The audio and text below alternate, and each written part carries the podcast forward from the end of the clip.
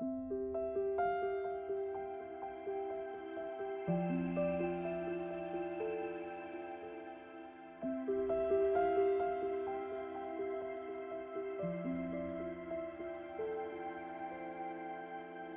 er det en glede å kunne si velkommen til Nok om meg episode fire. Den andre episoden med gjest. Og jeg har tatt med meg ingen ringere enn favorittpersonen min, Sven Arne. Velkommen. Takk. Du er klar for dette? Ja. Jeg har prøvd i lange tider å få deg med på ting. Ja. Nå er du her. Nå er jeg her. Det er bra. Vi skal eh, snakke annet om egoisme, som jo var tema i forrige episode. Fordi det tenker jeg er det mest naturlige temaet å snakke om når vi er gift. Mm. Og det kjenner du deg igjen i, sant? Ja, det hører med, det. Det er en del av pakka. Men kan ikke du først si noe om hvem du er, sånn at vi blir litt kjent med deg og livet ditt? Ja. Sven Arne Lundeby, 34 år, snart 35. Gift med Maria. Pappa til tre barn. Um, født og oppvokst i Kenya som misjonærbarn. Sånn sett uh, vokst opp i en kristen familie og kalt meg sjøl kristen hele livet. Uh, viktige uh, punkter underveis i, i løpet av ungdomsskolen og videregående, hvor jeg skjønte mer hvorfor jeg er kristen og ønsker å være det. Mm. Så har jeg jobba en stund i NLM, Misjonssambandet, og nå er jeg fellesskapsutvikler i Region Øst. Ja. Det er en kryptisk betegnelse. Mm. Men du jobber med menigheter Ja. på Østlandet? Ja. kan vi det er det jeg sånn? pleier å svare. Ja. Mm. Så bra. Og vi har vært gift i ti år. Mm. Det begynner å bli en stund. Ja. Så nå er vi så rutinerte at vi har begynt å snakke om å være gift. ja, vi har visst det. Men det er gøy. Men dette er ikke en uh, ekteskapsrådgivningsepisode. Det er bare en sånn by på oss sjøl-episode. Ja. Å snakke om livet med Jesus og med hverandre. Mm -hmm. um, men denne podkasten kalles jo Nok om meg. Hva er dine første assosiasjoner til det begrepet? Mm, det er at det er noe du snakker mye om. Ja, hvorfor gjør jeg det? Nei, jeg tror det er fordi du har innsett at det er noe som er viktig å snakke om i vår uh, kultur. Ja. Uh, som er veldig opptatt av eh, meg og mitt, og uh, hvordan kan jeg promotere meg sjøl mest mulig og best mulig. Mm. Og det um, kan jo bli eh, usunt, Ja. for å si det sånn. Mm. Så jeg tror det er viktig å snakke om eh, når det blir usunt. Ja. Eh, Det er det vi skal prøve på i dag. mm, Ja. Men uh, vi er jo gift og egoister. Ja. Um, jeg tenker at um, i ekteskapet, da, så er det kanskje der jeg blir Ja, det er jo uten tvil der jeg blir mest sårbar. Fordi at jeg blir tvunget til å forholde meg til deg da, hele tida. mm, Og du ser meg på mitt kjipeste. mm, Um, og noen ganger så er jo det sånne ting som jeg egentlig Kanskje hvis jeg var for meg sjøl, bare kunne la være å forholde meg til. mm, Fordi at det er ingen som Ikke sånn tvinger meg men til å si unnskyld, eller Men, men jeg må face det, liksom, når vi lever sammen. mm. Fordi jeg kan jo ikke leve som om jeg er viktigst når vi er to, og vi er en familie. Mm, Eh, ja. Så jeg tenker at ekteskapet viser meg hvor stor egoist jeg er, mm. og at jeg ikke klarer å leve sånn godt med meg sjøl og andre da, hele tida. Mm, Kan ikke du, du fortelle Hvordan kjenner du deg igjen i det? For det vet jeg jo du gjør. ja.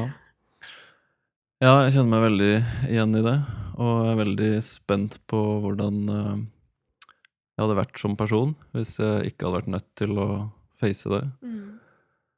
Eh, så Altså, på en side så er det jo veldig utfordrende og Ja. eh, men samtidig så er jeg veldig takknemlig for at jeg eh, har den dimensjonen i livet som tvinger meg til å ja, sette andre foran meg sjøl. og som kristen, og som kristen leder, så er jeg kanskje det å være ektemann og far den viktigste erfaringen jeg tar med meg inn i, inn i den tjenesten. som jeg lærer mest av. Så ja, det er eh, både utfordrende og sunt. Ja, faktisk. Har du noen eksempler på hvordan eh, det kommer til uttrykk? Du skal få lov å utlevere meg òg, hvis du vil. Ja, nei, altså det, det handler jo om konkrete eh, ting i hverdagen, hvor du blir nødt til å gjøre noe annet enn det du kanskje har lyst til. Mm. Um, og én ting er jo å være gift, da blir det en del sånne situasjoner, men enda mer eh, når du blir foreldre. Mm. Um, eller kanskje mer at de, de valga da gjør at du glemmer at du måtte gjøre det når du bare var gift òg. Ja. Men eh, nei, det handler jo om å, å sette andre foran deg sjøl og tenke Hva er det den andre trenger nå? Ja. Eh, og så strekke seg etter det, selv om det koster noe. Ja. Ja, og barna de krever jo på en måte den plassen. Mm. Altså Du kan ikke la være å stå opp med de, eller skifte dem bleia, eller Mm. ja, ta vare på de. Mens med en ektefelle så må du jo kanskje mer aktivt velge det, da. Mm. Det er kanskje en forskjell på barn og kone. Ja. ja, det er sant, det. Det blir et mer aktivt valg. Mm. Og du kan velge å overse det, Mm. men uh, gjør du det for mange ganger, så blir det jo en kjip relasjon til slutt. Ja. ja. Og så skal vi jo komme litt inn på det her med tida vi lever i, og hele den bibelske pakka og alt sånt der, men, men jeg vil jo si at eh, egentlig så handler jo veldig mye i et samliv om å bekjempe egoisten i seg sjøl. Fordi at Mm. eh, for min del så kunne jeg godt ligge på sofaen hele tida, så kunne du både vaska og handla og skifta dekk og gjort alt. Mm. Det er jo da jeg nyter livet. Mm. men uh, vi må jo bidra. Ja. Ja. Ja, og som sagt så er jo det en kamp, Mm. men uh, når du løfter blikket litt, så ser du jo at uh, det er jo faktisk det vi er skapt for. Ja. Å være noe for andre. Ja. Så selv om det uh, er en kamp med egoisten i oss, så er det også å gå inn i det som vi er skapt til, Mm. og det det mennesket egentlig skal være. Mm. Så sånn sett så er det en motivasjon der. Ja. Nå drar du oss litt sånn sakte over i neste bolk her, fordi du er jo teolog. Fem år master i teologi. Teologikk, som jeg kaller deg noen ganger. Mm. Um, kan ikke du forklare liksom med teologibrillene på, hva er greia med egoisme inn i et sånn kristent verdensbilde, da? Og er det noe spesielt i vår tid som gjør at det krasjer litt ekstra? Det har kanskje alltid krasja i menneskeheten, men eh, Mm. ja. Ja, hvor mange timer har vi? Nei, altså eh, Syndefallet, eh, Adam og Eva i hagen, handler jo dypest sett om at de ønska å gjøre seg sjøl til Gud, mm, og sette seg sjøl i Guds sted. Og det er jo det vi alle gjør, mer eller mindre. når Det synden i oss drar oss mot. Luther, Martin Luther snakka om å være innkrøkt i seg sjøl. At det er på en måte definisjonen på syndefordervet i oss. du må forklare det begrepet. Ja, nei, det handler jo om at eh, vi ser, eh, ser innover i oss sjøl og på en måte lukker øynene for både Gud og, og medmennesker, Mm. og lar uh, egoismen i oss bli uh, det vi styrer etter. Så egoisme er jo på en måte kanskje noe av det viktigste ved synden og syndefallet. Mm. Um, og måten det kommer spesielt til uttrykk i vårt samfunn, det tror jeg kan ha noe med det individualistiske preget Mm. i vår tid. Um, som du var inne på, så har vi alltid vært egoister, men um, tidligere så var man kanskje mer egoister eh, på vegne av uh, en klan eller en uh, nasjon eller en gruppe. Mm. Um, det slår fortsatt inn, men uh, nå er vi først og fremst individer, i hvert fall i vår del av verden. Mm. Så det blir mer eh, meg og mitt Mm. um, på alle måter. Så det er en, eh, en ganske ja eh, potensielt skadelig kombinasjon. Ja, det er jo det. Og jeg tenker nå, Vi tok liksom ekteskapstråden inn i det her, men det her handler jo egentlig om alle relasjoner mellom alle mennesker. Mm. Når vi vokser opp i, eller lever i en kultur som sier at du er viktigst, og kjærlighet er en følelse, og, Mm. og du skal alltid jakte etter din egen lykke, som du også skal definere sjøl, Mm. da blir det jo ganske vanskelig å leve sammen med andre mennesker sånn generelt. Mm. Fordi du vil alltid tråkke på folk på veien. Mm. Og det Ja, det er en sånn aha-opplevelse å se at eh, det er virkelig ikke noe Gud ønsker for oss, da. Mm. Og når vi er kalt til å leve godt med hverandre, Mm. så er det oss sjøl vi må bekjempe, på en måte. Mm.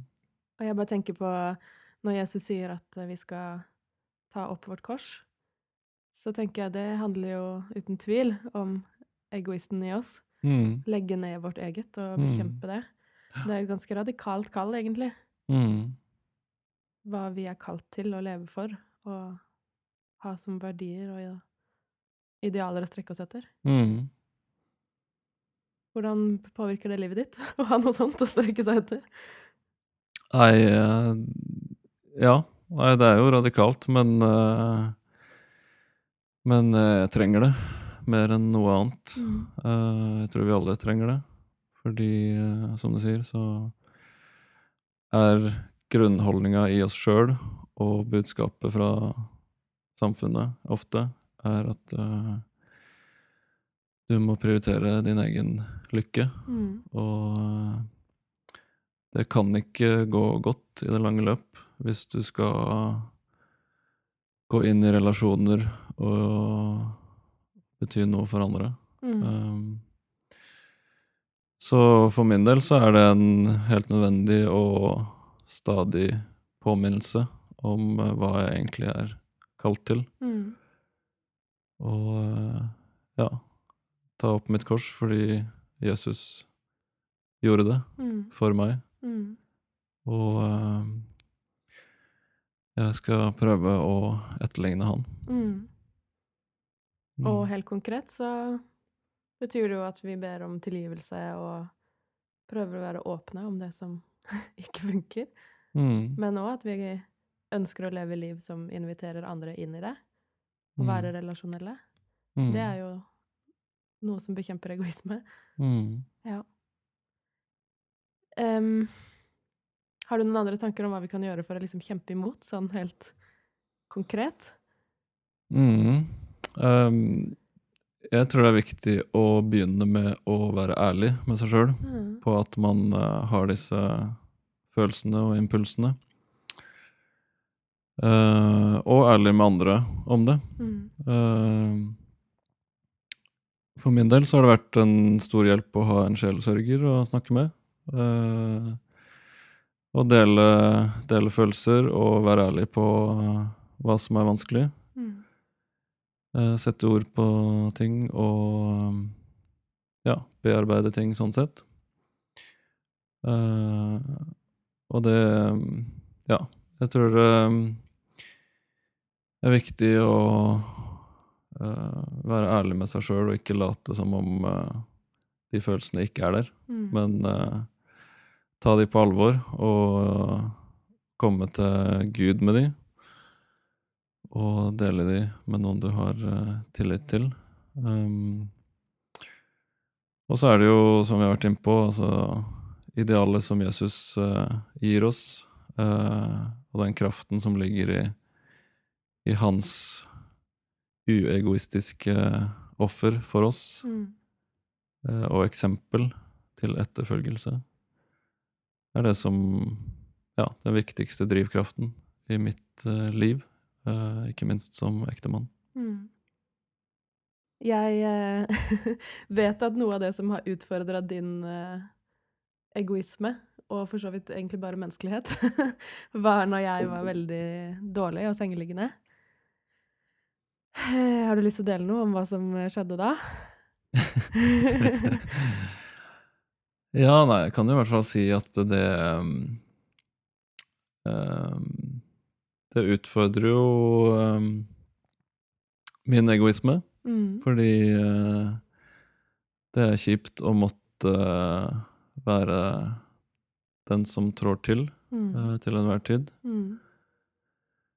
Eh, og ja, eh, ofte så føler man jo at man skulle ønske at den andre kunne bidra mer Mm. når det er sykdom inne i bildet. Så mm, det er mange følelser som kan oppstå i Mm. en sånn situasjon. Mm. Og øh, man kan fort bli frustrert og bitter Mm. og um, veldig sånn ja, innkrøkt i seg sjøl, for Mhm. å si det sånn. Så øh, igjen um, Den bønnen som jeg oftest ber inn i ekteskapet, det er uh, lær meg å elske Mm. på en konkret og oppofrende måte. Mm. Fordi det faller ikke naturlig for meg. Så det trenger jeg at Jesus hjelper meg med. Mm. Og det um, Ja, det er jo utfordrende. Eh, men samtidig så, så tenker jeg at det er det Det er på en måte det vi er skapt for. Å gi Mm. livet vårt for andre. Mm. Så det er eh, Det er eh, en kamp og en gave på Mm. samme tid. Mm. Så er det jo sånn at det å leve sammen er jo i utgangspunktet utfordrende. Men det du gjentar egentlig igjen og igjen nå, er jo at vi trenger hjelp til å klare det. Mm. For å leve godt sammen. For vi har et sted å hente styrke som er utafor oss sjøl. Og det er jo egentlig en helt fantastisk gave inn i alle relasjoner, og spesielt i ekteskapet, da. Mm. For eh, når vi har lyst til å være så gode medmennesker for hverandre som vi kan, så må vi hente hjelpen til det fra et sted. Mm. Ja. da er det fantastisk å vite at eh, Gud er sammen med oss i ekteskapet og vil hjelpe oss med det, da. At ikke vi Mm. trenger å jage etter det sjøl, men eh, Mm. den hjelpa er tilgjengelig. Mm. Så fint. Men da sier vi eh, takk for praten. Ja, Ja, kanskje vi snakkes igjen? det kan godt hende. ha det. Ha det.